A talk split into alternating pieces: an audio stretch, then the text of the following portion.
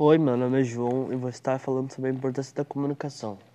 Na vida pessoal, a comunicação constitui-se como um fator de extrema importância para que possamos transmitir nossos desejos, sentimentos, informações, fatos, ideias e entre outros.